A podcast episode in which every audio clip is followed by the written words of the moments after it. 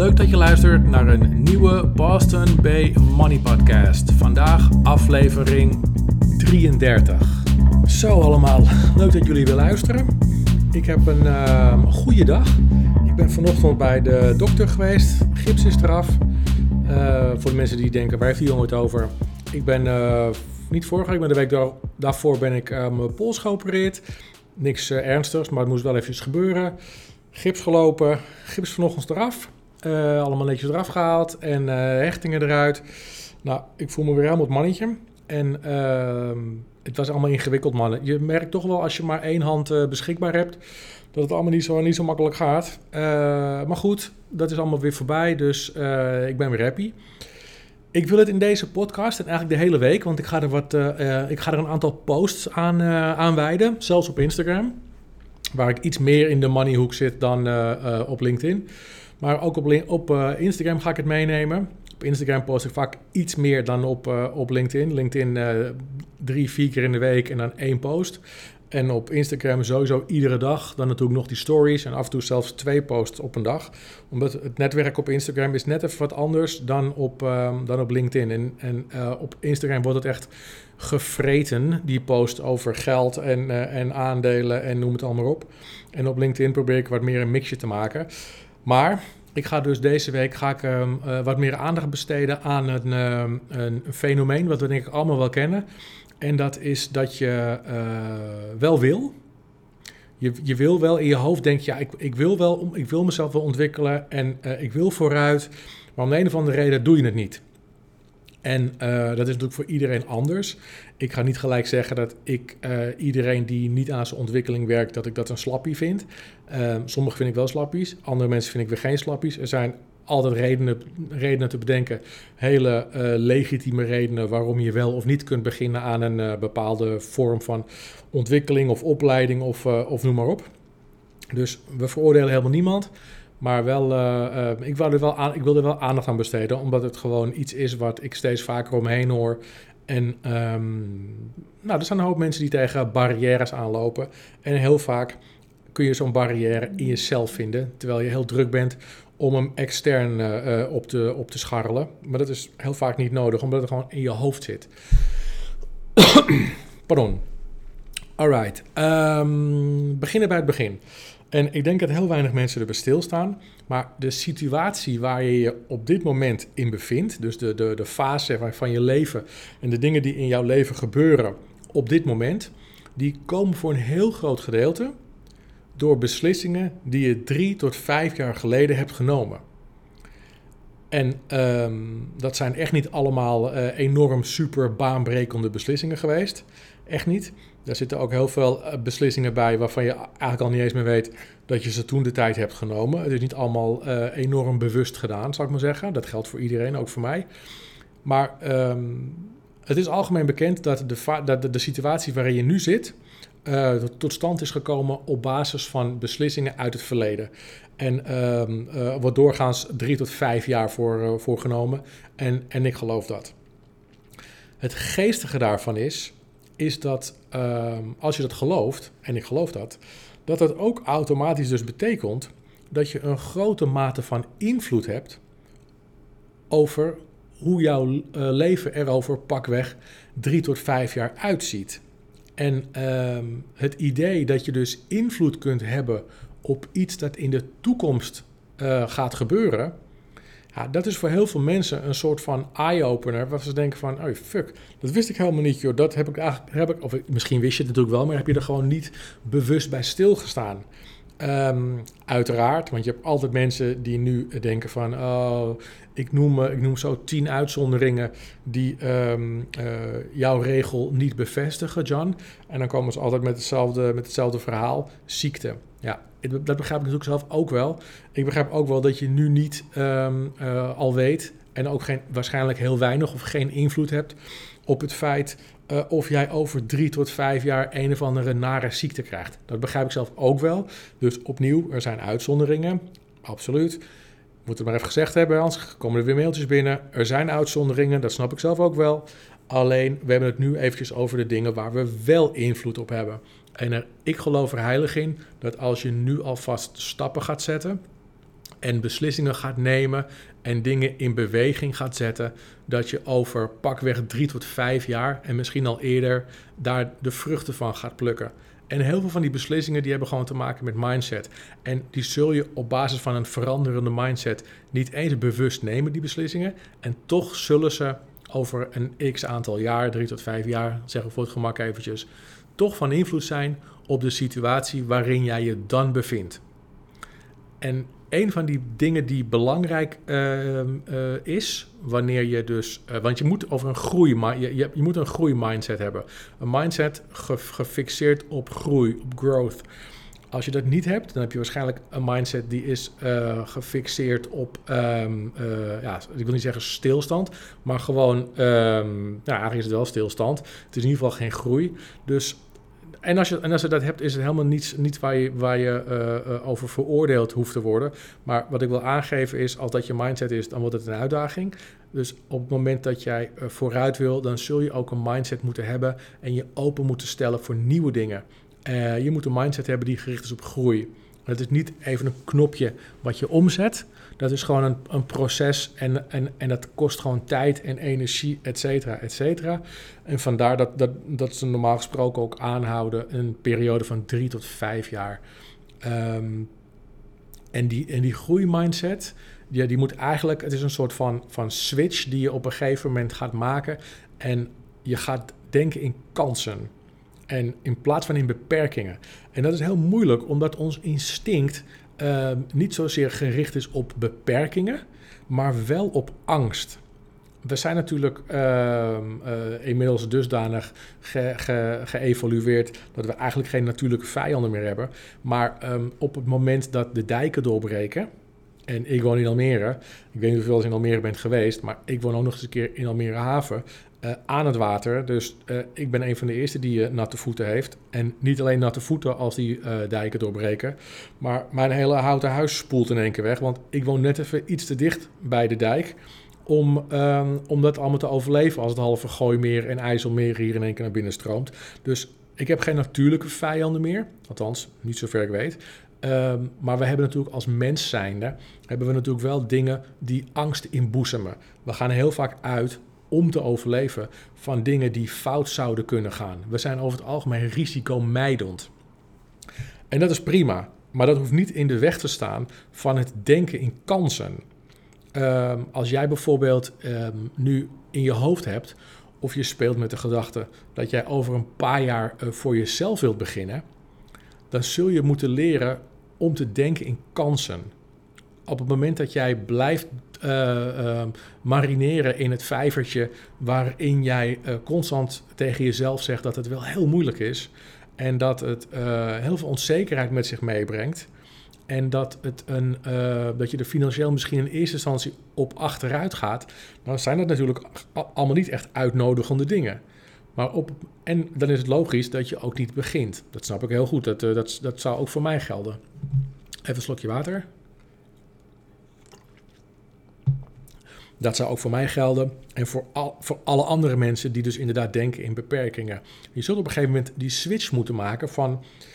Ik, ik besef me dat er een aantal hele uh, enge en risicovolle uh, uh, dingen op mijn pad zullen komen.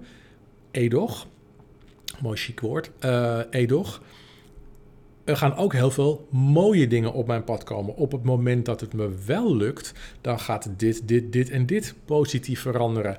En uh, als je op een gegeven moment wat langer bezig bent en je hebt het redelijk staan, dan um, ga je misschien op een gegeven moment ook iets meer genieten van de vrijheid en de mogelijkheden om dingen zelf te bedenken zonder dat je afhankelijk bent van andere mensen. Um, je bent eigenlijk helemaal vrij om, je, om jouw bedrijfje een richting in te duwen en om, om, om producten op te nemen of nieuwe diensten te verzinnen en op die, helemaal op je eigen manier uh, te gaan uh, vermarkten. En dat zijn kansen. En um, dan, je moet natuurlijk nog wat dieper de materie in om te kijken hoe je die kansen daadwerkelijk gaat benutten. Maar zo, zo gaat het balletje een beetje rollen. Dus je mindset moet ge, gericht zijn op groei. Um, sommige mensen hebben bijvoorbeeld zoiets van, nou, ik wil over drie jaar als we bijvoorbeeld getrouwd zijn of als, er, als we een kindje hebben of um, als ik mijn rijbewijs heb gehaald, ik zeg maar iets, dan willen ze er gewoon financieel net even wat ruimer bij zitten. iets, iets makkelijker, ehm, eh, iets, gewoon even lekker iets meer te besteden hebben. En ehm, op het moment dat je dat voor jezelf hebt besloten, of dat je dat als uh, setje, als koppeltje hebt besloten, dan ehm, is dat natuurlijk helemaal geen, geen gekke termijn als je drie tot vijf jaar in je achterhoofd neemt. Het enige wat je moet gaan bedenken is, ja, hoe, hoe zien die kansen eruit die, die ik moet gaan spotten om op dat punt te komen? Want we kunnen natuurlijk allemaal in beperkingen blijven denken. Uh, maar je zult misschien een keer, uh, een keer of twee een vakantie moeten opofferen. Waardoor je bijvoorbeeld um, je, je salaris gewoon even wegzet. Uh, als een soort van buffer of noem het maar op. En dan voel je dat natuurlijk, want je, je ligt eventjes misschien één of twee jaar niet uh, in je bikini of in je mooie flitsende zwembroek op het strand. Uh, maar je zit misschien gewoon eventjes een, eh, een, een, eh, een, vakantie in de tuin. En dan zal je net zien, dat soort jaren is het natuurlijk ook gewoon weer kut weer. Dus dan voel je hem dubbel hard. En dan zit je bij wijze van spreken, aan de ene kant zit je te balen dat je niet op vakantie bent gegaan. En aan de andere kant denk je, nou, ik verman me wel. En ik ga wel in Nederland in de tuin zitten en ik blaas even een badje op en ik haal een paar ijsjes. En dat voelt ook leuk. En dat wil je natuurlijk zien dat het kloten weer is. Dus maar nooit nog in kansen blijven denken. Want op het moment dat je het gaat opgeven, dan ga je weer richting de beperkingen en dan ga je nooit je doel halen. Wat ik ook wel geregeld hoor, en um, dat vind ik ook hartstikke leuk, is dat je bijvoorbeeld um, iets hebt van, nou ja, ik wil over uh, drie, vier, vijf jaar, zou ik het gewoon super gaaf vinden om mijn ouders of mijn moeder uh, mee te nemen of, of op een droomvakantie te sturen. Ja, hoe tof is dat? En op het moment dat jij uh, het idee hebt van, nou ja, dat lijkt me echt heel erg tof, omdat ze het verdiend hebben, of omdat je het ze gunt, of omdat er een speciaal moment in hun leven aanbreekt, en, uh, en uh, weet ik veel hoeveeljarig huwelijk, of je vader gaat met pensioen. Nou ja, jullie weten waarschijnlijk beter dan ik. Er zijn allerlei mogelijkheden, allerlei momenten die dat op die manier zo'n zo, zo soort leuke beloning zouden verdienen. maar goed, papi en mami eventjes een week naar de Malediven sturen, dat doe je ook niet voor 1300 euro. Dus dan moet je gaan plannen. En uh, opnieuw allerlei mogelijkheden waarom het inderdaad niet leuk is. Je kan bijvoorbeeld denken, nou ja, uh, mijn moeder houdt niet van het strand, mijn moeder verbrandt snel, mijn vader houdt niet van de zee. Nou ja, ook tof, maar denk dan eventjes aan een andere uh, droomvakantie. Want je moet in kansen blijven denken. Misschien vinden ze het wel heel leuk om, uh, weet ik veel, naar uh, New York te gaan. Of naar Rio de Janeiro met carnaval. Niet gelijk denken van, eh, is niks voor mijn ouders. Eh, nee, doe ik niet. allemaal lekker negatief. nee, kansen. Wat is dan, als ze die niet leuk vinden, wat vinden ze dan wel leuk? En uh, balen als het dan net weer even wat duurder is dan de Malediven. Dat zie ik niet zo heel snel gebeuren. Maar stel dat het uh, om wat voor reden dan alsnog duurder zou zijn dan de vakantie die je in eerste instantie in gedachten hebt. Kansen. Oh ja, fuck. Betekent dat dat als je als je, je moeder en je, en je vader op vakantie wil sturen over drie jaar naar, uh, weet ik veel, een week New York. Betekent het dan dat als je, als je naar je administratie kijkt en je inkomsten, dat je misschien een aantal uurtjes moet overwerken? Of dat je misschien een, een, een klein sidehusseltje erbij moet doen, een bijbaantje bijvoorbeeld. Nou ja, kortom, blijf denken in kansen. En uh, we snappen allemaal, het kost geld, het kost moeite, het kost tijd, dat snappen we allemaal. Maar die haalbaarheid van die doelen, als je die op korte termijn gaat stellen, als je die, die, die gaat, gaat, gaat opschrijven, dan zul je zien dat de haalbaarheid van die doelen wordt bepaald op basis van wat je in 2020 gaat doen. Dit is, dit is het jaar dan waarin je uh, beslissingen gaat nemen. En over drie tot vijf jaar zullen die beslissingen hun vruchten gaan afwerpen. Maar als jij dat niet doet, dan zal je ook zien dat er over drie tot vijf jaar, en dat is heel teleurstellend voor veel mensen, maar dat er over drie tot vijf jaar ook helemaal geen flikker is veranderd. Dat vinden heel veel mensen heel irritant, maar dat is natuurlijk logisch, want je hebt zelf niets veranderd. Dus je hebt altijd input en output, oorzaak en gevolg. Heel simpel. Ik snap het, het klinkt allemaal heel makkelijk, maar het is wel zo. Als je zelf niet beweegt, dan ja, als, als, ik, als ik naar een heel mooi vlak water sta te kijken en ik gooi er geen gigantisch grote steen in, ja, dan, gaat het, dan krijg ik ook geen golven. Heel simpel. Ik kan wel heel lang blijven wachten tot het uit zichzelf gebeurt, maar als het niet gebeurt, dan sta ik daar uh, bij wijze van spreken drie weken op het strand te wachten en dan gebeurt er niks. Je moet zelf proberen dingen te beïnvloeden. Althans, dat vind ik. Um, en als het nou heel ingewikkeld zou zijn, dan uh, zouden we met z'n allen bij wijze van spreken een gigantisch grote groep in kunnen richten. Dan gingen we hier elke, elke vrijdagmiddag op ons blote voeten in de grote vergaderzaal zitten, in een kringetje, en, uh, en de geesten verzoeken om te vragen of ze ons konden helpen. Maar het is helemaal niet moeilijk. En dat meen ik wel echt. Uh, het is gewoon niet moeilijk. We leven in een tijd waarin er zo ontzettend veel te leren is. En er wordt zoveel informatie gratis gedeeld. Ik zeg wel eens, als je kijkt wat er op het internet gebeurt, of bijvoorbeeld zo'n ehm, zo'n platform als uh, udemy.com, daar kun je gewoon zulke toffe trainingen kopen voor 15 dollar, 20 dollar. Met alle respect mensen, maar dat zijn bedragen. Uh, de gemiddelde dakloze, die geeft nog meer uit dan sigaretten in de week dan dat jij een hele toffe training zou kunnen volgen op Udemy. En het is makkelijk te selecteren. Het is allemaal via een ratingsysteem, een sterrensysteem. Als je eventjes een beetje je huiswerk doet, je, je, je leeft je een beetje in, dan kom je echt met een cursus aan dat je echt denkt, mijn hemel, hoe kunnen die mensen het in hemelsnaam voor 20 dollar aanbieden? Ik heb, ik heb hele finance cursussen gevolgd van 60 uur, 70 uur, allerlei pdf's die mijn kant op werden gestuurd, ongekend. 20 dollar, man. Ik, ik, had ik, ik heb meer info opgehaald via Udemy dan via alle opleidingen die ik heb gedaan. En ik ben helemaal tot de HBO eh, gekomen. En als ik vergelijk wat ik op, op uh, middelbare school, MBO, HBO, werkervaring, noem het allemaal op, dat verwatert als ik zie hoeveel info ik krijg via Udemy. Tientjeswerk. We leven echt in een tijd dat is niet normaal. Plus, dan heb je nog dingen als YouTube. Als ik me verman, en dat geldt voor jullie allemaal, als ik wil weten hoe dropshippen werkt of affiliate marketing of noem maar iets op, en ik heb echt geen euro, dus ik heb zelfs geen, twee tientjes voor Udemy, dan kijk ik gewoon, dan begin ik op vrijdagavond te kijken op YouTube. Dan zoek ik me helemaal surf via Google. Ik zeg surf, maar dan ben ik in een kwartier klaar. En vervolgens heb ik allemaal toffe dingen gevonden op, uh, op YouTube. Gratis. De crux zit hem niet in het geld. Dat is een excuus. Het probleem wat wij met z'n allen hebben bedacht, is dat we er geen tijd voor hebben. Dat het um, uh, niet snel genoeg gaat. Dat het niet is wat we zochten. Allerlei excuses. En als je eerlijk tegen jezelf bent en je kijkt naar de tijd in waarin we leven, dan is er geen enkele generatie ooit geweest die zoveel kwalitatief hoge gratis kennis tot zich kon nemen. Niet normaal. Dus als je echt wilt, dan maak je mij niet wijs dat het je niet lukt. Dat geloof ik gewoon niet. Want alles is te vinden. Al wil ik morgen aardbeien gaan kweken in een volkstuintje, dan lukt het me nog om een cursus op YouTube te vinden, gratis. Dat is gewoon allemaal hartstikke goed te doen. Dus zelfs IJslands, ik heb zelf gekeken. Ik vond een, uh, een, uh, een paar filmpjes op uh, YouTube heel geestig van iemand die IJsland promoot. En af en toe zegt zij ook iets in het IJslands. Dacht ik, zo, wat een moeilijke taal. En ik heb wel een talenknobbel, maar ik, ik snap natuurlijk gereed van IJslands. Ik heb het zelf nog nooit iemand echt horen spreken. Ik ging eens kijken op YouTube. Er staan een cursus IJslands op, joh. Dus als zou ik bij wijze van spreken over drie jaar een podcast met jullie willen doen in het IJslands, dan zou me dat nog lukken ook. Gratis. Dus het ligt gewoon aan het denken in kansen. Geen gemekker over, eh, ik heb geen tijd, ik heb geen, eh, nou noem het allemaal op, al die, al die ja, nutteloze smoesjes. Als je echt wil, als je echt wil, dus het is niet, je bent niet verplicht, maar als je vanuit jezelf echt wil, dan kun je gewoon hartstikke mooie dingetjes bewerkstelligen. En dan kun je gewoon echt ontwikkelingen door gaan maken en beslissingen nemen en, en, en uh, uh, dingen in, in uh, motion, in beweging gaan zetten, die over drie tot vijf jaar en misschien wel eerder hun vruchten gaan afwerpen. Wat je niet moet doen, is denken in een quick fix of snel geld, want dat is echt voor heel weinig mensen is dat weggelegd. Plus, dat is misschien wel leuk om met jullie te delen. Kijk, als je een loterij wint, dan uh, heb je snel geld. Nou, oké, cool. En op het moment dat je een, um, uh, een erfenis krijgt, dan heb je ook snel geld. Helemaal als je er totaal niet op gerekend hebt. Dan is het natuurlijk helemaal een disco.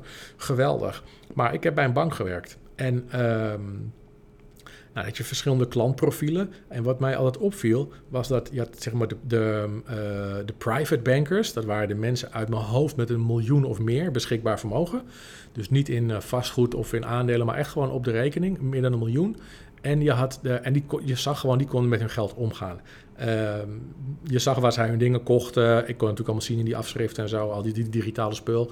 Dus je kon precies zien waar zij hun geld en uitgaven, hoe die spaarrekeningen uh, eruit zagen, hoe ze dat opbouwden. En dan had je de mensen met preferred, preferred banking. Dat was 100.000 euro uit mijn hoofd. 100 of 50.000 euro vrij besteedbaar vermogen. Dat was even een ander slagvolk. En uh, nogmaals, we hangen er geen waardeoordeel aan.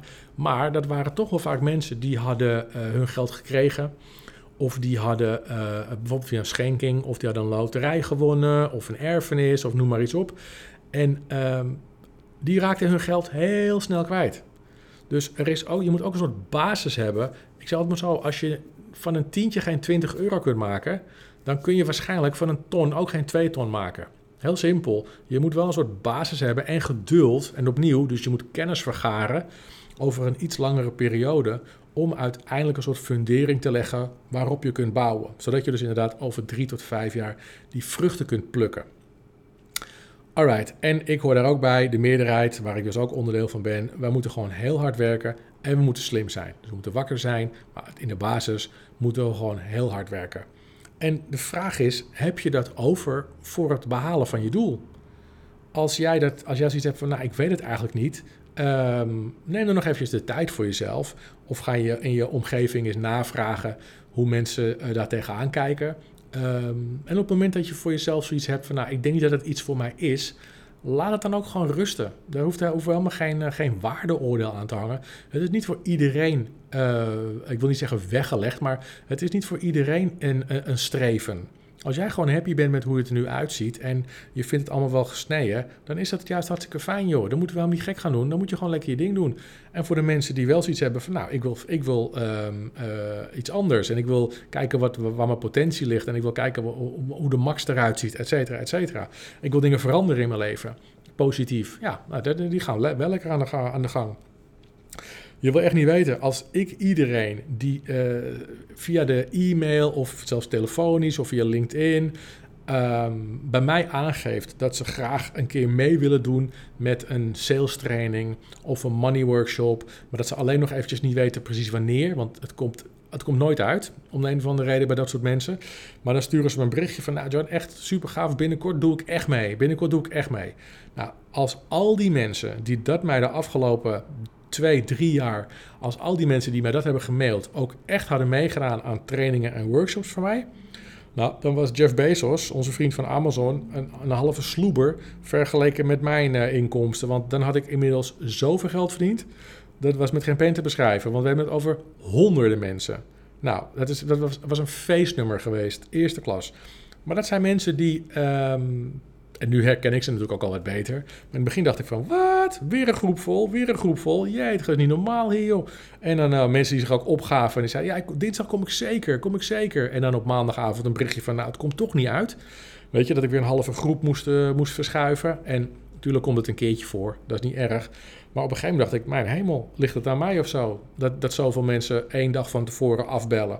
Er kwam altijd iets tussen. Kinderen met snortneuzen, kinderen die van een wip gevallen waren, pols gebroken, er is ingebroken, uh, moeder is ziek. Nou, alles kwam voorbij. Op een gegeven moment ga je natuurlijk een beetje filteren. Maar, dus er zijn heel veel mensen die in hun hoofd wel zoiets hebben van...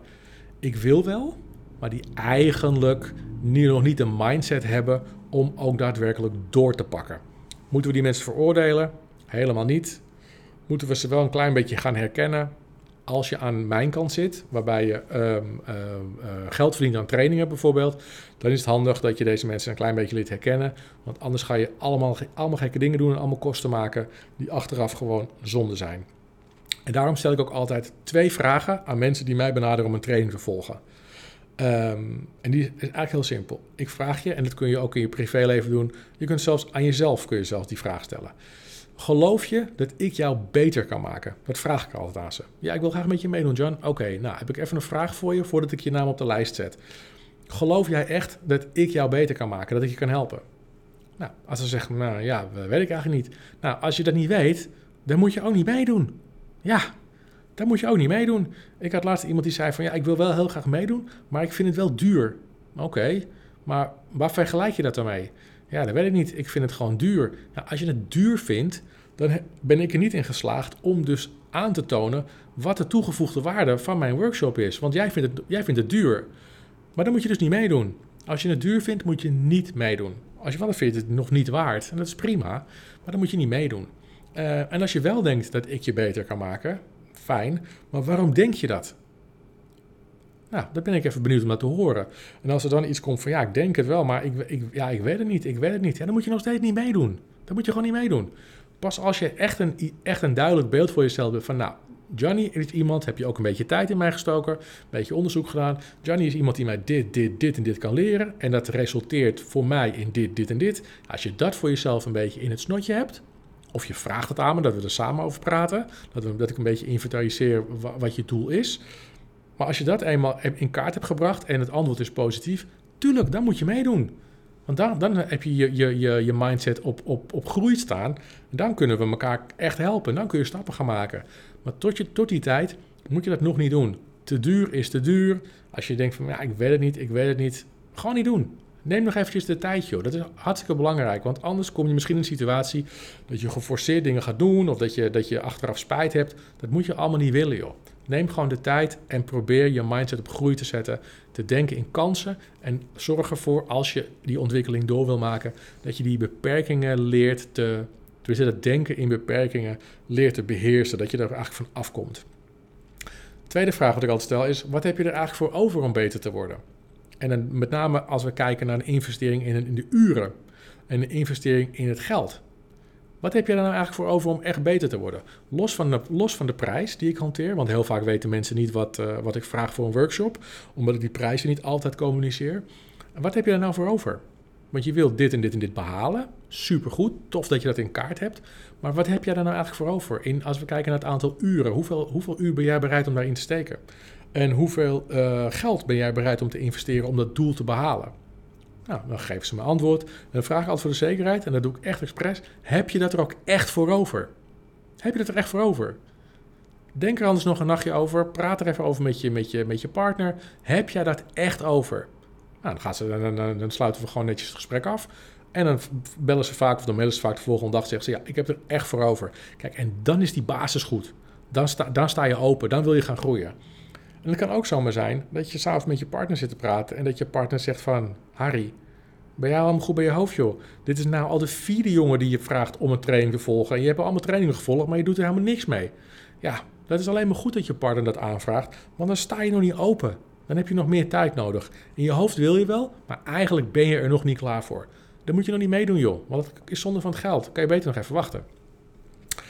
Maar dat zijn ook vragen die je natuurlijk aan jezelf kunt stellen. Van, wil, wil ik echt in mezelf investeren? En als ik, dat, als ik dat voor mezelf echt wil, hoeveel uur wil ik daar dan aan, spenderen? Als vind jij, vind jij een weekend uh, achter YouTube al te veel?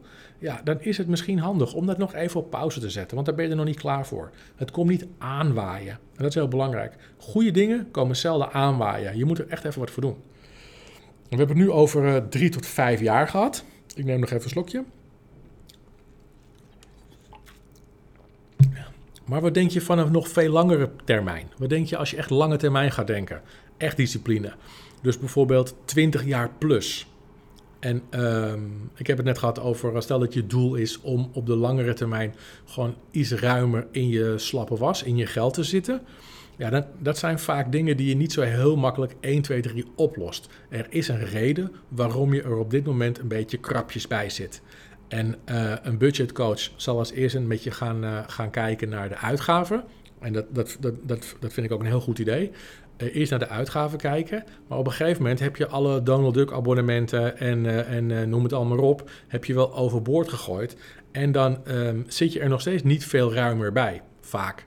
En dat komt omdat jouw probleem met betrekking tot geld en het hebben van, van voldoende geld vaak niet aan de uitgavenkant zit, maar aan de inkomstenkant. Je verdient gewoon te weinig. Veel mensen vergeten dat dingen de afgelopen jaren heel erg snel in prijs zijn gestegen, terwijl onze salarissen dat niet zijn. Dus er zijn steeds meer mensen die op een gegeven moment op de bank zitten, elkaar aankijken en denken van, hè, hoe kan het dat we elke maand 100 euro tekort hebben? We doen nog exact hetzelfde als 2, 3, 4 jaar geleden. Ja, dat klopt. Alleen de dingen zijn gewoon duurder geworden. Kijk maar naar je energierekening, of naar je huur, of naar kleding, of naar een, uh, een kopje thee drinken of buiten de deur lunchen.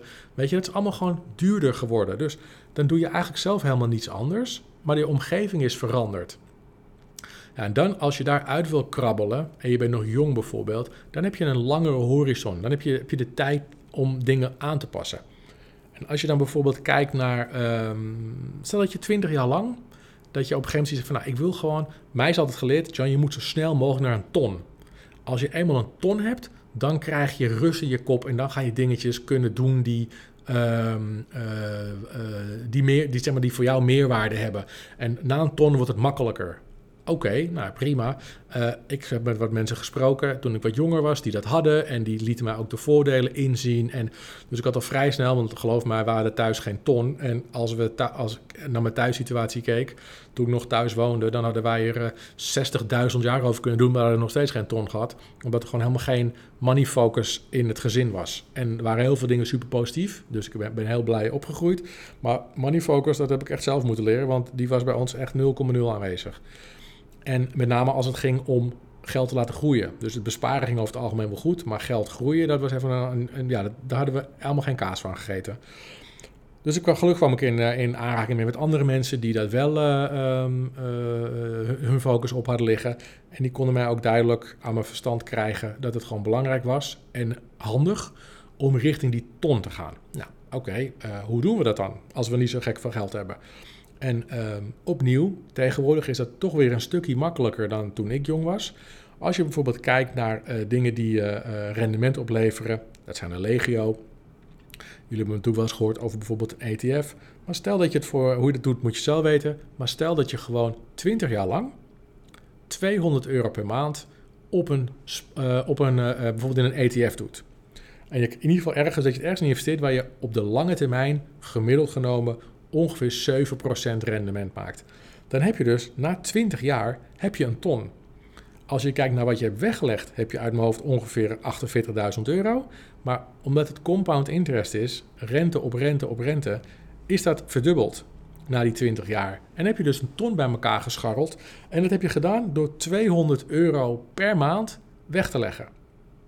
En nu zullen heel veel mensen zeggen: ja, maar Jan, ik heb al niet genoeg geld hoe ga ik nou in godsnaam aan die 200 euro komen? Waar heb je het over, man? Die vraag krijg ik natuurlijk geregeld. En, het, en dit klinkt heel simpel. En in de basis is het ook simpel, maar het is niet simpel om het uit te voeren. Dus ik wil het niet bagatelliseren en er makkelijk over doen, want dat is het niet. Maar geloof me, die 200 euro, die heb je in je hoofd zitten. Jij hebt genoeg ideeën in je hoofd zitten om 200 euro per maand extra te verdienen en die weg te kunnen leggen. Je probleem zit hem niet in het gebrek aan fantasie of het gebrek aan kennis of intelligentie. Het komt er niet uit vanwege andere redenen. En eigenlijk de reden die je het meeste ziet, is zure mensen in je omgeving.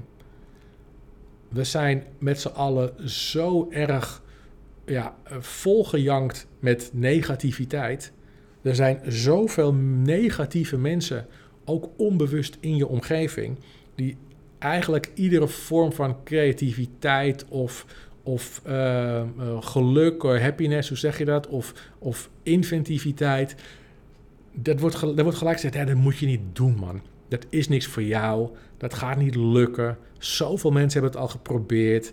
Bla bla bla bla bla. Allerlei negatieve dingen.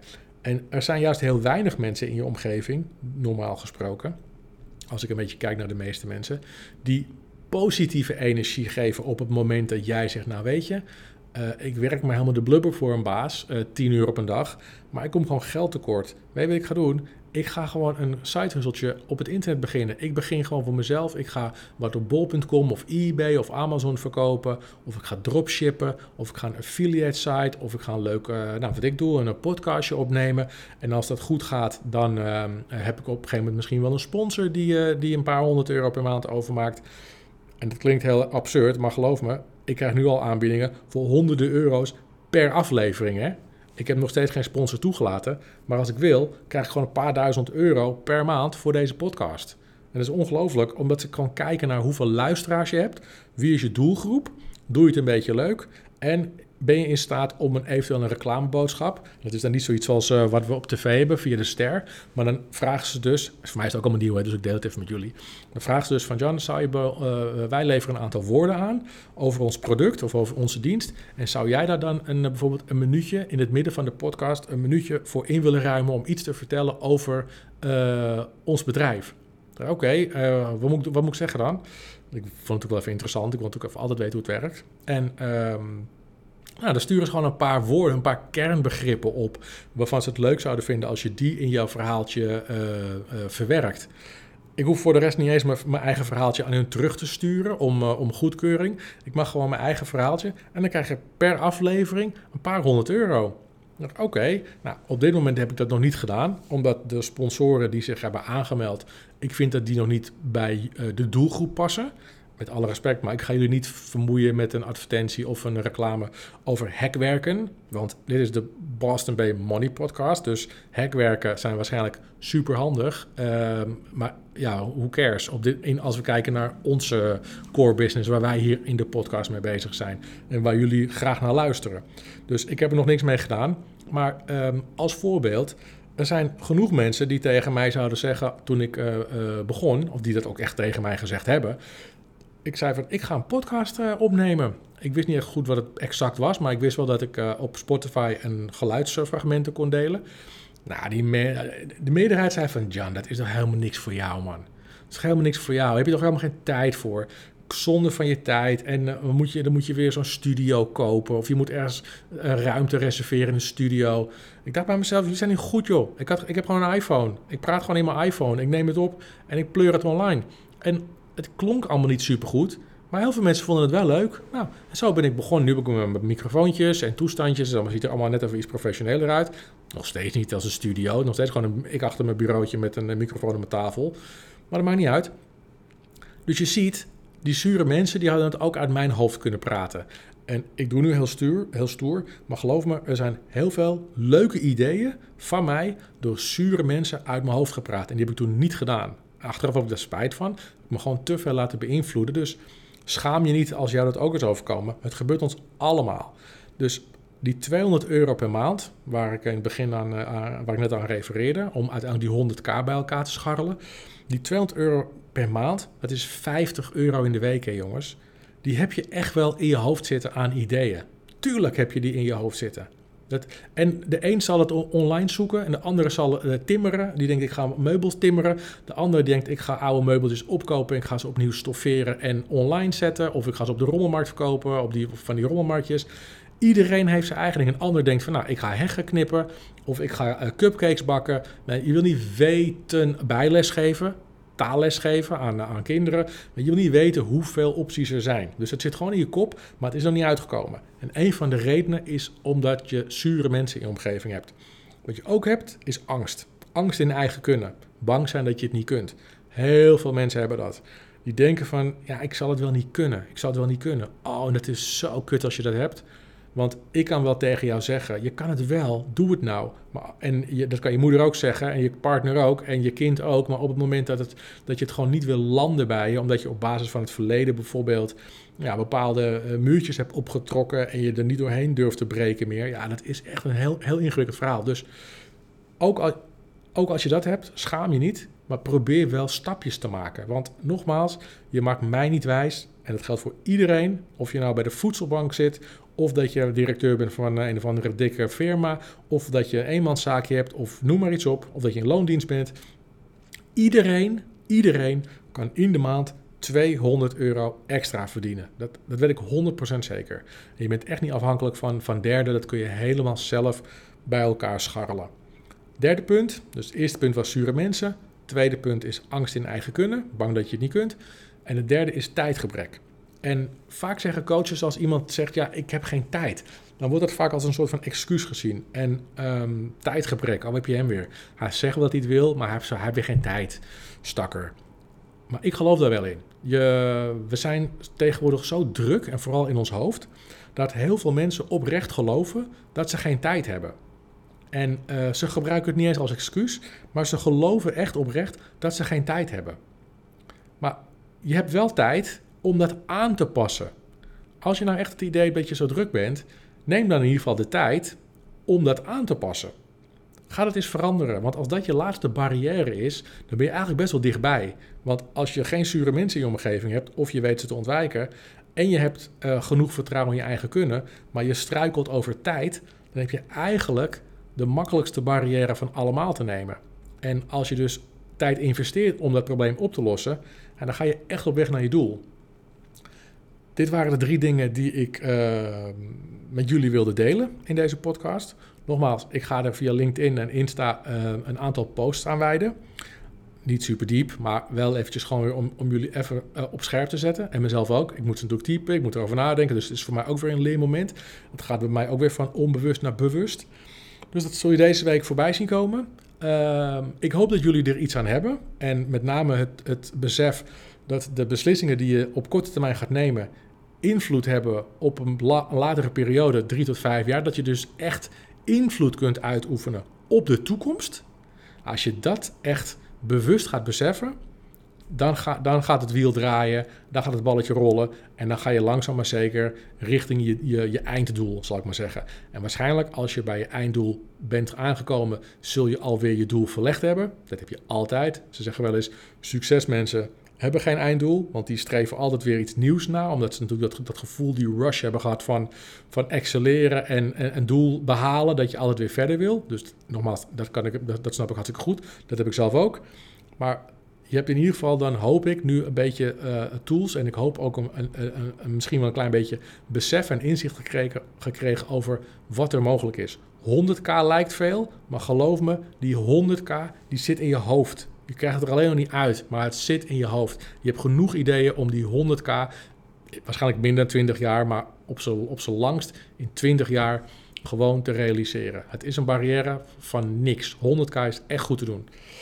Dus jongens en dames, als je vragen hebt, let me know. LinkedIn Gianni Amato connectieverzoekje, ik accepteer en we kunnen mekaars tijdlijn zien. Zie ik ook wat jullie posten. Als je me gaat volgen op LinkedIn, dat is wel geestig, maar dan kan ik nog steeds niet zien wat jullie posten.